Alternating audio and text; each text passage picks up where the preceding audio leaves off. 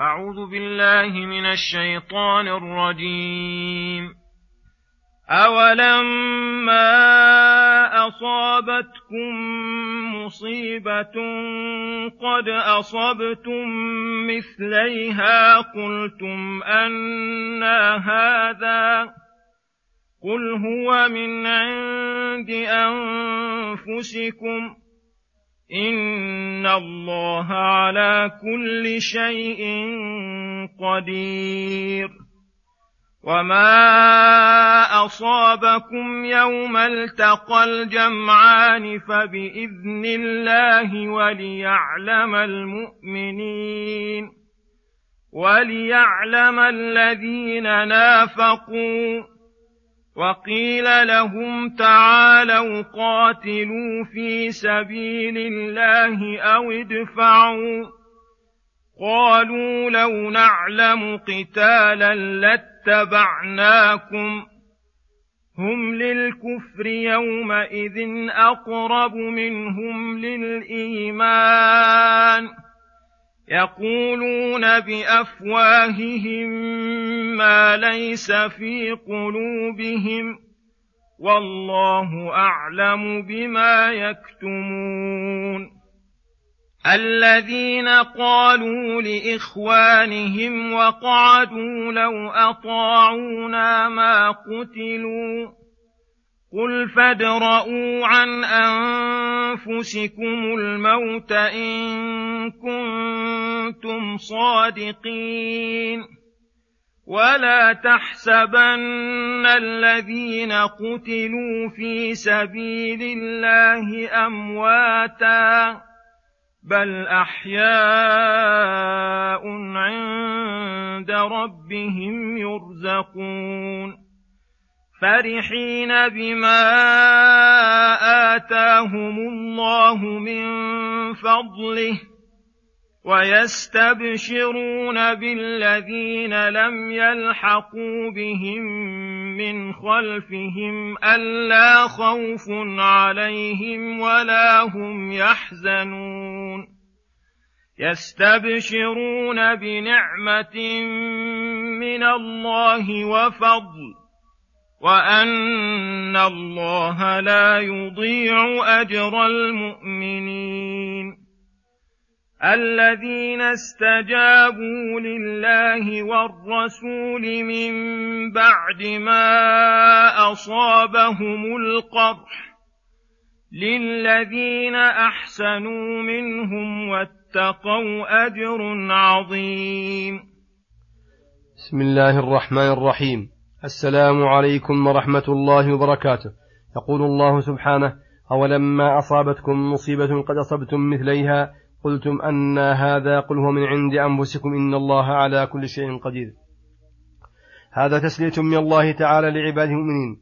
حين أصابهم ما أصابهم يوم أحد وقتل منهم نحو, سب نحو سبعين فقال الله إنكم قد أصبتم يمسكين مثليها فقتلتم سبعين من كبارهم وأسرتم سبعين. فليهن الأمر ولتخف المصيبة عليكم مع أنكم لا تستوون أنتم وهم فإن قتلاكم في الجنة وقتلاهم في النار. قلتم أن هذا أي من أين أصابنا ما أصابنا وهزمنا قل هو من عند أنفسكم حين تنازعتم وعصيتم من بعد ما أراكم ما تحبون. فعودا على أنفسكم باللوم واحذروا من أسباب, من أسباب مرضية. إن الله على كل شيء قدير. فإياكم وسوء الظن بالله فإنه قادر على نصركم ولكن له أتم الحكمة في ابتلائكم ومصيبتكم ذلك ولو يشاء الله لانتصر منهم ولكن ليبلو بعضكم ببعض. ثم أخبر أن ما أصابهم يوم التقى الجمعان جمع مسلمين وجمع مشركين في أحد من القتل والهزيمة أنه بإذنه وقضائه وقدره لا مرد له ولا بد من وقوعه والأمر القدري إذا نفذ لم يبق إلا التسليم له وأنه قدره لحكم عظيمة وفوائد جسيمة. وأنه ليتبين بذلك المؤمن من المنافق. الذي لم الذين لما أمروا لما أمروا بالقتال وقيل لهم تعالوا قاتلوا في سبيل الله أي ذبا عن دين الله وحماية له وطلبا لمرضاة الله أو ادفعوا عن محارمكم وبلدكم إن لم تكن لكم نية صالحة.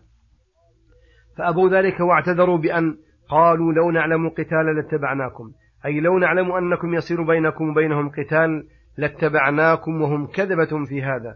قد علموا وتيقنوا وعلم كل أحد أن هؤلاء المشركين قد ملئوا من الحنق والغيظ على المؤمنين بما أصابوا منهم وأنهم قد بذلوا أموالهم وجمعوا ما يقدرون عليه من الرجال والعدد وأقبلوا في جيش عظيم قاصدين المؤمنين في بلدهم متحرقين على قتالهم. فمن كانت هذه حالهم كيف يتصور أنه لا يصير بينهم وبين المؤمنين قتال؟ خصوصا وقد خرج المسلمون من المدينة وبرزوا لهم. هذا من المستحيل ولكن المنافقين ظنوا أن هذا العذر يروج على المؤمنين. قال تعالى هم للكفر يومئذ أي في تلك الحال التي تركوا فيها الخروج مع المؤمنين أقرب منهم للإيمان.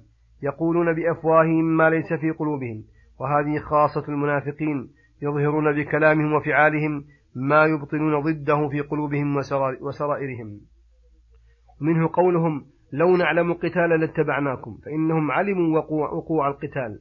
يستدل بهذه الآية على قاعدة ارتكاب أخف المفسدتين لدفع أعلاهما وفعل أدنى المصلحتين للعجز عن أعلاهما لأن المنافقين أمروا أن يقاتلوا الدين فإن لم يفعلوا فللمدافعة عن العيال والأوطان. والله أعلم بما يكتمون فيبديه لعباده المؤمنين ويعاقبهم ويعاقبهم عليه. ثم قال تعالى الذين قالوا لإخوانهم وقعدوا لو أطاعونا ما قتلوا.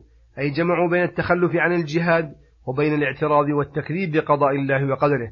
قال الله ردا عليهم قل فادرأوا أي ادفعوا عن أنفسكم الموت إن كنتم صادقين. أنهم لو أطاعوكم ما قتلوا لا تقدرون على ذلك ولا تستطيعونه وفي هذه الآيات دليل على أن العبد قد يكون فيه خصلة كفر وخصلة إيمان.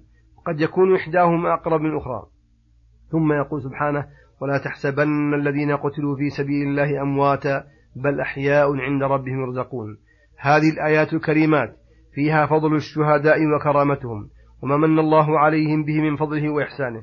وفي ضمنها تسلية الأحياء عن قتلاهم وتعزيتهم وتنشيطهم للقتال في سبيل الله والتعرض للشهادة فقال ولا تحسبن الذين قتلوا في سبيل الله أي في, في جهاد أعداء الدين قاصدين بذلك إعلاء كلمة الله أمواتا أي لا يخطر ببالك وحسبانك أنهم ماتوا وفقدوا وذهبت عنهم لذة الحياة الدنيا والتمتع بزهرتها الذي يحذر من فواته من جبن عن قتال وزهد في الشهادة بل قد حصل لهم أعظم مما يتنافس فيه المتنافسون فهم أحياء عند ربهم في دار كرامته لفظ عند ربهم يقتضي علو درجتهم وقربهم من ربهم يرزقون من أنواع النعيم الذي لا يعلم وصفه إلا من أنعم به عليهم. ومع هذا صاروا فرحين بما آتاهم الله من فضله. أي مرتبطين بذلك.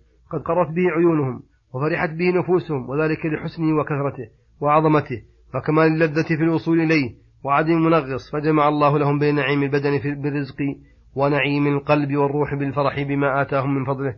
فتم لهم النعيم والسرور وجعلوا يستبشرون بالذين لم يلحقوا بهم من خلفهم أي يبشر بعضهم بعضا بوصول إخوانهم الذين لم يلحقوا بهم وأنهم سينالون ما نالوا ألا خوف عليهم ولا هم يحزنون أي يستبشرون بزوال المحذور عنهم وعن إخوانهم المستلزم كمال السرور.